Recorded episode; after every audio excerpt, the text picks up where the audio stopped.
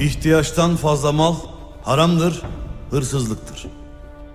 Altın ve gümüş yoksullar üzerinde hegemonya kurmak için kullanılıyor.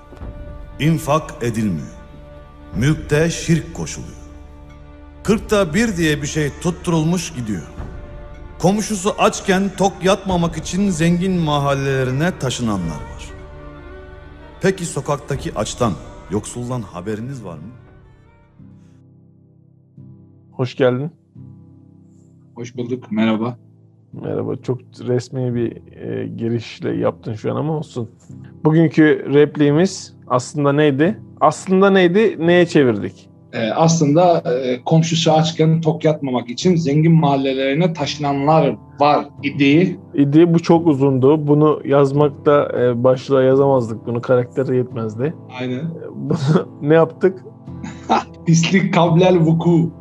İstikabbel vuku. Yani attım tuttu diyor Selman, Selman Bulut imamımız. Evet girişten de anlaşıldığı gibi üçüncü podcast kaydımız olarak itirazın varı inceleyeceğimizi söylemiştik. Ben Tahsin. Ben de Süleyman. Tekrardan podcastimize hoş geldiniz. Bu arada Hislikabler Vuku'ya tekrardan baktım. E, ön sezi demekmiş. Yani aslında Evet. güçlü tahmin gibi bir şey falan gibi bir şey olduğu bir anlamı var. Tahmin. Zaten filmde de nasıl geçiyordu? Mezarda Ee, polis soruyordu karımı dövdüğümü nasıl anladın? O da diyordu ki Hislikabler Vuku. Yani attım tuttu diyordu ya. Yani bir sezgilerime güvenerek tahminde bulundum ve tuttu diyor. Bu arada Evet bu filmi de biz beraber izlemiştik değil mi ilk kez? Evet, evet. Bu filmi de yine beraber izledik. Film Süleyman 2014 yapımı. Bir onun ünlü filmi. Ve hatırlıyorsan aynı evde kalırken filmin afişi benim iki yıl boyunca evde odamda asılıydı. Evet, ne oldu? evet, kime öyle. gitti? Ne oldu? Kime gitti bilmiyorum ama sana mı gitti o? Yok, ben de ben almadım. Ben kitaplarını almıştım. Bunu almadım. Filmle ilgili şöyle bir anekdot paylaşayım hemen filmin girişinde. Film aslına bakarsan böyle bir gişe filmi olarak çıktığı yolculukta e, artı 18 yaş sınırı dolayısıyla bir zorluk yaşadı sinema serüveninde. İzleyici sayısı çok hedeflendiği gibi olmadığı söyleniyor. Kendileri onun ünlüyle yapılan röportajda ve Serkan Keskin'le yapılan röportajda bunu çok kabul etmiyorlar. Sayıdan memnun olduklarını dile getiriyorlar ama artı 18 yaş sınırını her mecrada eleştiriyorlar. Çoğu sinema eleştirmeni de bu yaş sınırı hakkında mantıklı olmadığını dile getiriyor. Çünkü filmde artı 18 yaş sınırını gerektirecek Hiçbir şey yok. Bence hiçbir şey yok gerçekten. Filmi ben belki 4 kere 5 kere izledim. Yaz sınırı için hiçbir şey yok. Böyle teknik bilgileri vermeyi seviyorum podcast serimizde. Diğer filmlerde de yapmıştım. Film IMDB'de 7.8 almış. Bu bir değer midir? IMDB'yi baz alıp filmlerini tercih eden, izledikleri dizileri tercih edenleri için evet 7.8 fena bir puan değil. İzlemeyenler için ben özellikle kesinlikle sen de öylesindir. Özellikle tavsiye ediyorum. Belki bu filmden haber olmayan ya da bu filmi izlemeyen insanlar bizim podcast'imizi dinleyip e, bizim bu yayınımıza kulak verip belki filmi izleyecekler. Bu bizi çok sevindirir. Film gerçekten izlenmeye değer bir film. Ya benim hayatta izlediğim böyle en yani yerli filmler arasında e, ilk ondadır yani çok rahat. İlk beştedir hatta. Oyuncu kadrosu da çok iyi. Yani Serkan Keskin'i görüyoruz başrolde. Selman Bulut karakteriyle. Hazal Kaya'yı görüyoruz Selma- Selman Bulut'un kızı Zeynep Bulut olarak. Öner Erkan, Osman Sonat, Serdar Orçin, Umut Kurt, Sırrı Süreyya, Özgür Çevik. Bunlar da oyuncu kadrosunun ne kadar zengin olduğuna dair bize bilgi veriyor. Filmin genel hikayesi Sırrı Süreyya Önder ve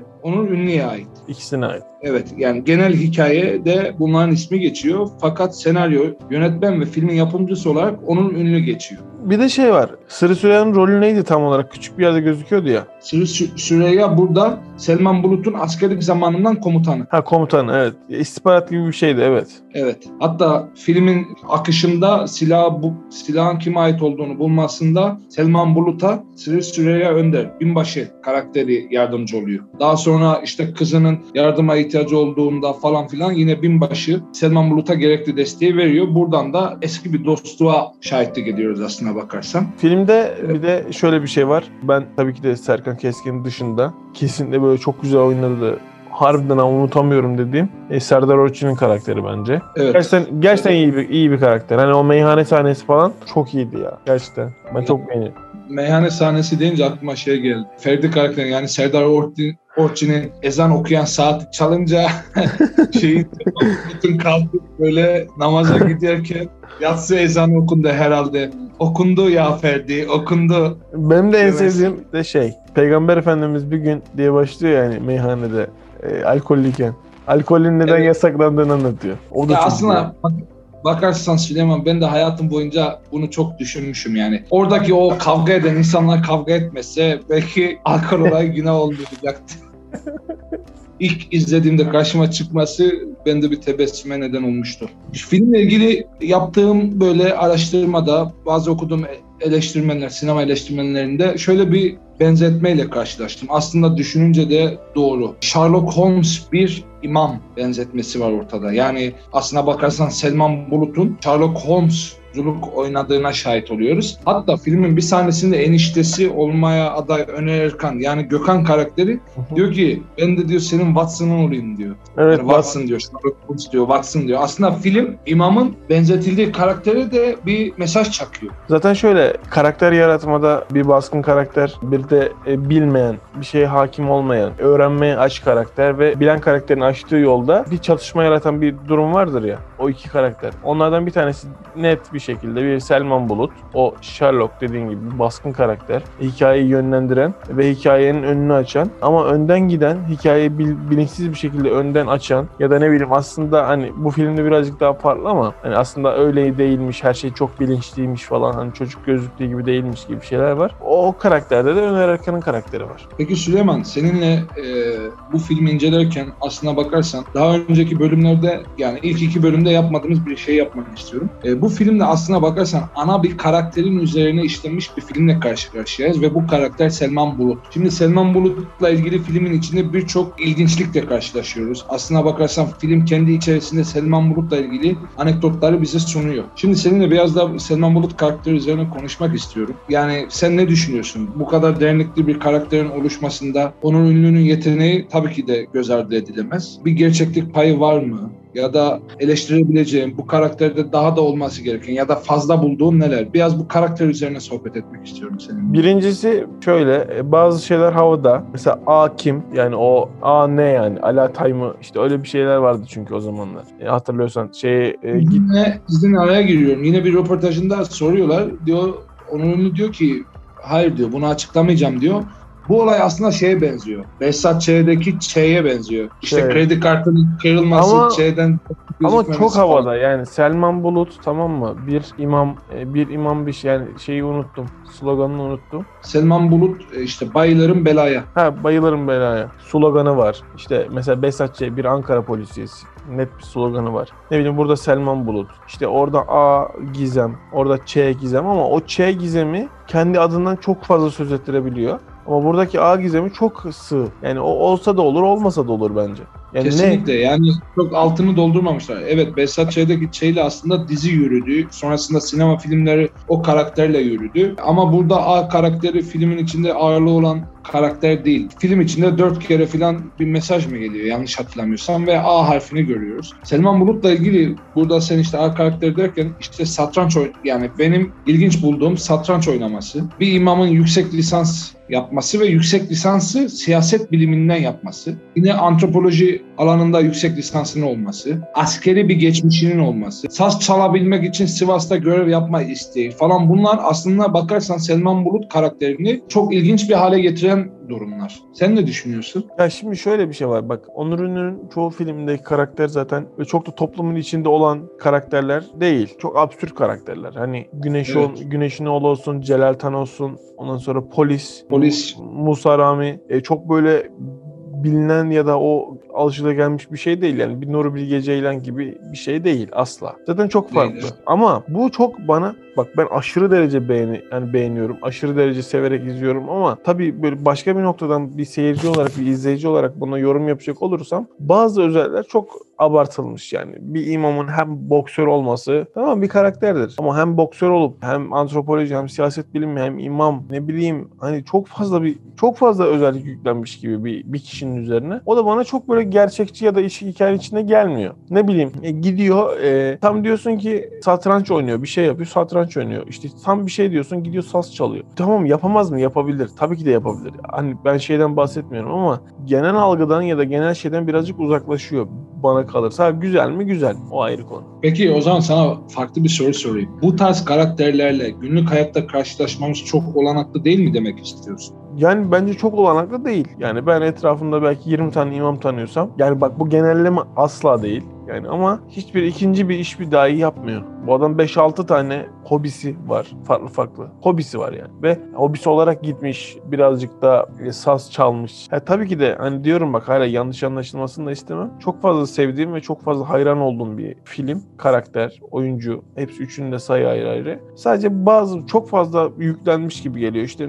ne bileyim İhsan Eleçik'ten alıntı yapılıyor. Hani çok fazla yani çok çok çok çok. A nerede? İşte ne bileyim e, Evet filmin e, can alıcı sahnelerinden biri de yani bu bazı sahnesi dediğimizde de İhsan Eli Açık'tan alıntı yaptığını biliyoruz. İhsan Eli Açık da farklı bir din adamı olarak tabir edebiliriz. Kendi Evet. fa- bir inanışı ve kendi çizdiği bir yol var. biraz Onur Ünlü'yle yakın gibiler yani bence görüş olarak da. Evet, farklı bir çizgide ilerliyorlar. Ee, İnananları var, e, onu takip edenleri var, inanmayanlar var, eleştirenleri var. Ama esinlenildiği açıkça ortada. İzninle şimdi e, filmin kazandığı iki ödül var. Bunları da bu kaydımızda söylemeden geçmek istemiyorum. E, bunları da söyleyeyim. Daha sonra sana klasikleşen sorumu soracağım. Film 33. Uluslararası İstanbul Film Festivali'nde en iyi yönetmen ve en iyi erkek oyuncu ödülünü alıyor. 20. Sadri Alışık tiyatro ve sinema oyuncu ödüllerinde de en başarılı erkek oyuncu ödülünü alıyor. Yani film aslına bakarsan biraz daha böyle tam bir böyle gişe filmi değil de Süleyman katılıyor musun bilmiyorum. Biraz daha böyle festival filmi ya da işte sanat filmi havasında ve aldığı ödüllerden de bunlar görebiliyoruz açıkça. Aldığı ödüllerden işte iki ödülünde de ortak noktası en iyi erkek oyuncu. Burada da Selman Bulut karakterine hayat veren, onu hakkıyla oynayan Serkan Keskin'in oyunculuğunu bir kere daha takdir etmek istiyorum ki Serkan Keskin e, bizim podcast serimizde ikinci defa İkinci konuk oluyor. Birinci kaydımızda Limonata'da da. Serkan Keskin ve Serkan Keskin'in oyunculuğunu konuşmuştuk. Üçüncü kaydımızda bugün itirazım var da yine Serkan Keskin ve Serkan Keskin'in oyunculuğunu konuşuyoruz. Bu da işte Serkan Keskin olan sempatimiz ve Serkan Keskin'in oynadığı karakterlere verdiği emek ve onları bir seviyeye çıkarmış olmasıyla alakalı diye Evet, düşünüyorum. kesinlikle kesinlikle bambaşka bir seviye. Bak yani izliyorsun, sen aydınlatırsın geceyi de bambaşka bir karakter. Ee, Selman Bulut karakteri bambaşka, İsmail abi karakteri bambaşka. Yani hiç İsmail alakası abi- yok. Yani hiçbir hiçbir tekrar yok kendinde. Yanlış hatırlamıyorsam yine son yakın zamanda Mucize Doktor e, dizisine gelmişti. Son 10 bölümde falan herhalde orada oynadı. Orada da gördüğümüz kadarıyla farklı bir oyunculuktan bahsediyoruz yine. Serkan Keskin e, farklı bir noktada. Oynadığı filmlere farklı bir hava katıyor diyelim Evet. ve bu Çok iyi bir hava katıyor. Klasikleşen podcast serimizin klasikleşen sorusuna geleyim. Filmde en komik gelen ya da işte seni en çok güldüren ya da tebessüm ettiren e, sahne hangisiydi? Bir net olarak kesinlikle şey. Üç, en demeyelim de ilk üç sahne diyelim. Üç, İlk üç sahne. Üç diyelim. Birincisi yani 3'ten başlayayım. 3'ten başlayayım. 3 bir kare aslında gözüküyor. Boks insanı insana döve döve anlatma sanatıdır mı? Öyle bir şey yazıyordu. Evet, Evet. evet. Tamam mı? 3 o. 2 şeyin başında Şadırvan mıydı? Şadırvan'ın. Şadırvan'ın başında şeyler geliyordu. Müftülükten insanlar geliyordu. Diyanet'te. Diyanetten ve orada kızıyla görüşüyordu. İşte e, ona böyle bir aslında onlar yandan deniyordu. O çok güzeldi. Bir dini nikah olayı. Dinin iki olayı. Aynı evde yaşanılan dini nikah olayı sahnesi. Evet. Bir de kesinlikle alkol yani alkolün yasaklanma hikayesi ve alkollüyken alkollüyken Peygamber Efendimiz bir gün diye böyle girişi yani o ya bilmiyorum şu ana kadar izlediğim en iyi Türk yani böyle net sahne say desen o kesinlikle ilk üçtedir. Üçten başla. Abi üçüncüsü şey abi. Benim bu bankada kredi çekmek için gidiyor işte böyle işte Büşra Pekin'le olan sahnesinde e, Nebahat Kuzu. Orada işte parayı kim yatırdı işte söyleyemeyiz falan filan. Devlette tanıdıklarım var. Bak bir telefona hepsini öğrenirim. Daha sonra da yine devamında ona cevap verir nitelikte. Hükümette tanıdığım olsa kredi niye çekeyim kızım. E, bu üç. E, ikiye şey alayım. Cihan Demir, Cinayet Masa. Selman Bulut camiden. Camiden müthiş replik ya. Evet, o sahne. Birincisi de yani aynı şeyden bahsedeceğiz. Aynı sahneden. Benimki de kesinlikle Ferdi ile alkol aldığı. Yani Selman ve Ferdi'nin meyhanedeki sahnesi diyeyim ben de.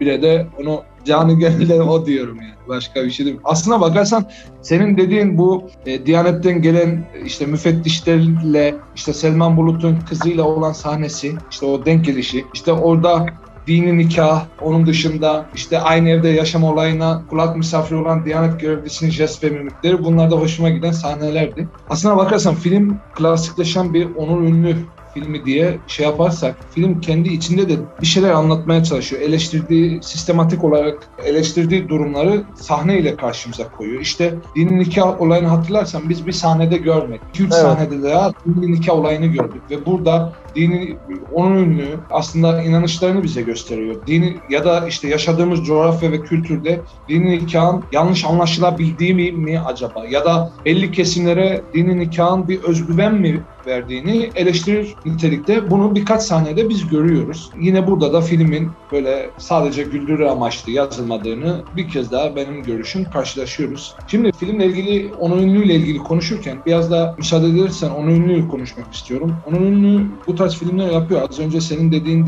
gibi işte Polis filmi 2007'de, Celal Tan ve ailesinin aşırı acıklı hikayesi 2011'de, İtirazım var 2014'te. Buna Milli Cinayet Koleksiyonu demiş. Evet, Milli yani, Cinayet Koleksiyonu. Evet, Ve zaten devam... e, İtirazım varında e, kitabı çıktı, devam kitabı. Onu okudun mu bilmiyorum. Yok, ee, daha okumadım. Heh, hesabım var. Yine Selman Bulut. Ee, bir meyhanede yani çok fazla şöyle söylemeyeyim. Şey meyhane diyorum. Bir pavyonda öldürülen bir genç kızla ilgili bir cinayetin yine bir peşine düşme hikayesi. Ee, ben filmin de geleceğini Keskin, düşünüyorum yani. Evet Serkan Keskin bir röportajında bunu hesabım var olarak dediğin gibi düşündüklerini ve yakın zamanda gerçekleştireceklerini söyledi. Bir izlediğim bir röportajında bakalım ne zaman ve nasıl olacak. Ben çok gelmesini çok isterim ya. Hani kitap çok iyi zaten. Okumasını da tavsiye ederim herkesin burada. Yani şey yani ondan önce Onur Ünlü'nün hemen bir kitabı daha çıkmıştı. Kız Çocuğu diye bir kitap çıkardı kanka 2019 yılında. Yine aynı ben da okudum. Ya hayatımda böyle yarım bıraktığım çok nadir kitaplardan bir tanesidir. Hiç sarmadı. Yani gitmiyor yani. Sayfalar ilerlemiyordu. Ama Onur'un kitaplarını hani tamam ben yazdığı hikayeleri ne bileyim filmlerini, şiirlerini falan okumayı çok severim. Filmlerini izlemeyi çok severim. Ama bu kitap gitmedi ya. Bu kitap beni var ya beni benden aldı yani. Ha bir de şey kesinlikle hesabım var okumalısın tam senlik. Peki sana şimdi bir soru sorayım. Tavsiyene Hı. dikkat alacağım ve okuyacağım bu arada. Şimdi Onur Ünlü, Süleyman Dindar ve Tahsin Uzunkaya'nın bir ortak noktası var. Nedir? Futbolu sevmeleri. Ya birden fazlaymış tamam. Evet. Ama böyle daha rasyonel bir şey. Komedi değil. Ha, hayır hayır yani böyle daha rasyonel. Somut bir şey üzerinden git. Somut bir şey üzerinden gideyim. Ne Bekletmeyeyim seni. Saydığı, saydığımız bu üç insanda Anadolu Ma- Üniversitesi'nden mezun. Evet. Üçü de Anadolu Üniversitesi'nden mezun. Ve üçü de e, üçünden ikisi de mankenlere hayran. Bir Tahsin Kaya, bir Onur Ünlü. e, kesinlikle. O Onun bizim ünlü... sinema televizyondan mezunmuş zaten ya. Evet, İletişim Bilimleri Fakültesi, İletişim Sanatlarından mezun. Ben şeyi unutamıyorum ee... kanka bu arada. Sen ne gitmiştik hatırlıyor musun? Onur Ünlü'nün e, söyleşisine gitmiştik. Söyleşide demişlerdi ki işte neden filmi her yere dağıtmıyorsun? İşte Türkiye'nin her yerine filmi dağıtmıyorsun. Art 18 diye geri ses yapma dağıt falan dedi çocuğun bir tanesi. Şey demişti hatırlıyorsan. Ya filmi Kahramanmaraş'a gönderdim. 5 kişi izlemiş diyor ya. şey değil mi bu Sinema Anadolu'da Sinema Anadolu'daki Sinema Anadolu'da evet, evet, evet. evet. Ya bir de Şimdi aslında doğru doğru doğru bir tespit. Bir de filmle ilgili böyle birkaç yerde yine bir sahne vardı Süleyman. Ben benim dikkatimi çekmişti. O sahne şeydi. Yine filmin en dikkat çekici sahnesi vaaz sahnesi. Va vaaz sahnesini zaten herkes biliyor ve bence bütün insanlar da bunu beğeniyor. E biz de podcast'imiz içerisinde bunu dinletmeyi düşünüyoruz. Şimdi e, filmi izlerken böyle yanlış hatırlamıyorsam 3 yerde falan şunu şu repliği duydum. İnsan sadece suçluyken kaçmaz. Evet Bazen ya. suç, suçlandığın için de kaçarsın. Ama bir kere kaçmaya başladıysan bir şeyleri de muhakkak kaçırırsın elinde. Yani bunu filmin içinde üç kere plan yanlış hatırlamıyorsam belki yanlış hatırlıyorumdur. Üç kere falan duyuyoruz ve her duyduğumda bana gerçekten düşündürtüyor. Şöyle içinden tekrar ettim ya. Evet insan sadece suçlu olmadığı için kaçmaz. Bazen suçlandığın için de kaçarsın. Ve muhakkak kaçtığın için bir şeyleri de kaçırırsın. Müthiş replik ya. Gerçekten Evet, yani- müthiş. Yani benim de çok hoşuma gitmişti ve beni gerçekten böyle hani şimdi bazen izliyoruz. Aslına bakarsan işte tüketiyoruz, çılgınca tüketiyoruz. Yapılan işte filmleri, dizileri, kitapları, işte şiirleri bilmiyorum yani çılgınca bir tüketiyoruz ve bu tüketim esnasında bizde etkiyi bırakan ya da bizi etkileyen ya da bir şekilde bizi düşündürtme sevk eden oran çok düşük. Bende etki bırakan abartısız yüzde yirmi filandır. Yani bu eleştirdiğim için söylediğim bir şey değil. Ama e, her şey herkese etkilemiyor maalesef. Etkileniyor. Böyle bir durum var. Bu replik duyunca gerçekten içimden tekrar ettiğimi hatırlıyorum.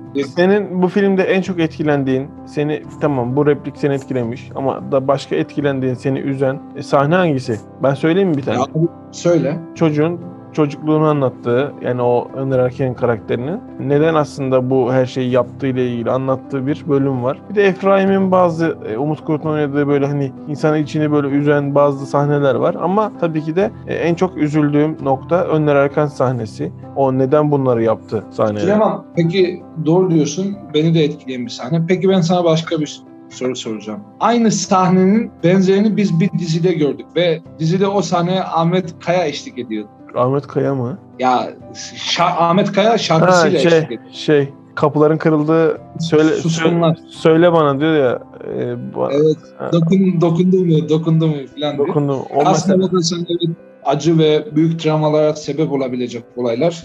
Oyunculuk da iyi, işleyiş biçimi de iyi, verdikleri mesajlar da çok iyi. Ya film genel anlamda e, benim eşe dosta, sevdiğim insanlar tavsiye ettiğim. Ben gerçekten dördüncü veya beşinci filan izledim yani. Ve iki tane öğretmen arkadaşıma da sordum izlediniz mi falan filan diye. Biz üçüncü podcast kaydımızı itirazım var filmiyle alacağız diye. Dediler ki izlemedik ve kesinlikle dedim izlemelisiniz ve izleyeceklerini söylediler. Hatta şöyle sürprizle de karşılaştım. Pardon filmi ile ilgili kaydımızı dinledikten sonra Pardon filmini izlemeyen yine iki öğretmen arkadaşım Pardon filmini de izlediklerini bana söylediler. aa, Evet yani işte aslına bakarsan seninle çıktığımız bu yolculukta bir sohbet edelim ve bir iki insana böyle etki edebiliyorsak ya da işte bu podcast kaydımızın sonrasında bizi dinleyen eş dost, sevdiklerimiz veya hiç tanımadığımız, bizi tanımayan insanlar bu kaydımızı dinledikten sonra Aa, ya iki tane insan itirazım varın üzerine bir muhabbet ediyorlar, bir sohbet ediyorlar ve çok beğendiklerini söylüyorlar. Yani bir izle, izleyelim mi? Yani bir izlemeliyiz sanki dedikleri zaman aslında bizim bu yolculuğa çıkış amacımıza da bir yerden ulaşmış oluyoruz diye O düşünüyorum. yüzden çok fazla spoiler vermeme yani izlemeyenler için. İşte Efraim Evet. ne yapıyor, Önder Akın'ın karakteri aslında ne gibi bir şeyler net bir şekilde söylemeden izleyip iyi bir polisiye, hani polisiye romanlarını seviyorsanız, yapımlarını seviyorsanız kesinlikle bence izlemelisiniz. E, Tahsin de önerecekti zaten. Dediğim Evet. gibi benim öğren ya ben bazı konularda evet bir izleyici olarak eleştirsem de sonuçta ben iki yıl boyunca hani beraber aynı ev arkadaşlığı yaptığımız süreçte benim odamda bunun afişi asılıydı bu filmin. Resmen afişi çalmıştık şeyde sinemada. Yani o afişi e, asmıştım yani gerçekten çok yani sabah düşsene uyandığımda Selman Bulut'u görüyorum. E, Ama onu biz uyumadı. sinema Anadolu'dan almamıştık. Şeyden almıştık, Espark'tan. Esparta'dan mı almıştık? Ben Hayri abi Evet. verdi diye hatırlıyorum ya. Ve ya Espark'tan hangisini aldık? Biz oradan da bir afiş aldık diye Bir tane, hatırlıyorum. bir tane aldık oradan da. Şey, Doğru yeni doğru. bölüm- Evet. Ali abi vermişti sana o afişi. Şeyde söyleşiler. Tamam şimdi oldu. Onu Onur Ünlü'den aldım dedi. Al dedi bunu dedi. Hı. Ha, Hay- Hayri abiyi de burada güzellikle bir analım. Valla Valla tiyatro geçmişimizde önemli Ya, bir yeri var yani. bunları, din- Anadolu'da. bunları dinlemeyeceklerinin %99 eminim ama Hayri abi, Önder abi, tamam Tuncer abi buradan tüm sinema emekçilerine selam olsun.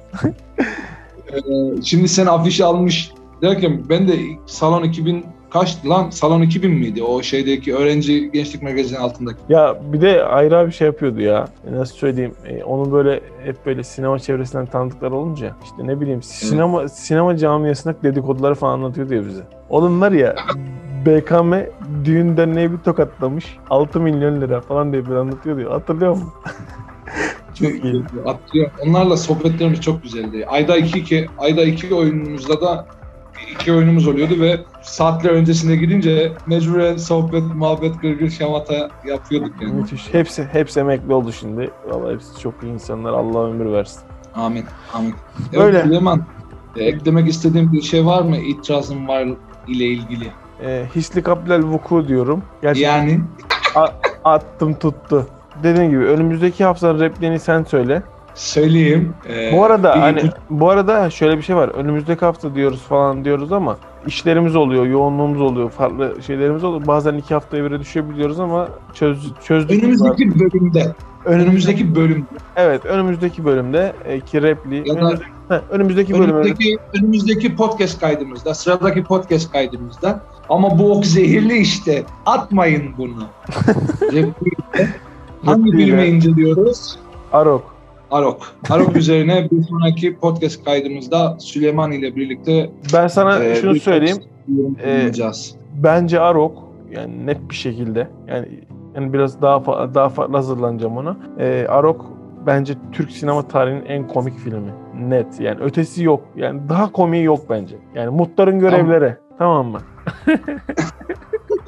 Bunu e, bunu dördüncü bir kaydımızda ele alacağız. Sakin ol biliyorum Abi ne kadar yani, Arok'la ilgili heyecanını biliyorum ve Arok yani dördüncü kayda Arok almamız da senin önerin oldu. aynen Ee, ben ben de düşünüyordum ama dördüncü sırada düşünmüyordum açıkçası. O da senin önerin oldu. Evet, e, üçüncü kaydımızın sonuna geldik. E, bizi dinleyecek olan arkadaşlara, bizi tavsiye edecek olan arkadaşlara, bizim önerilerimizle filmi izleyecek olan arkadaşlarımıza çok teşekkür ediyoruz. Ee, Çok teşekkürler bizi dinlediğiniz için. Umarım izlemeyenler itirazım var izler. İzleyenler de tekrar bir sahnelerine şöyle bir bakıştırır geçer. Hadi onu da yapmıyor. Gelirsin sayfaya like atarsın be kardeşim. Güzel oluyor. Ee, seninle sohbet etmek güzel. Aynen, Üçüncü seninle. podcast kaydımızın sonuna geldik. Herkese çok teşekkürler. Görüşmek üzere. Kapattın mı? Ha kapatmışsın tamam.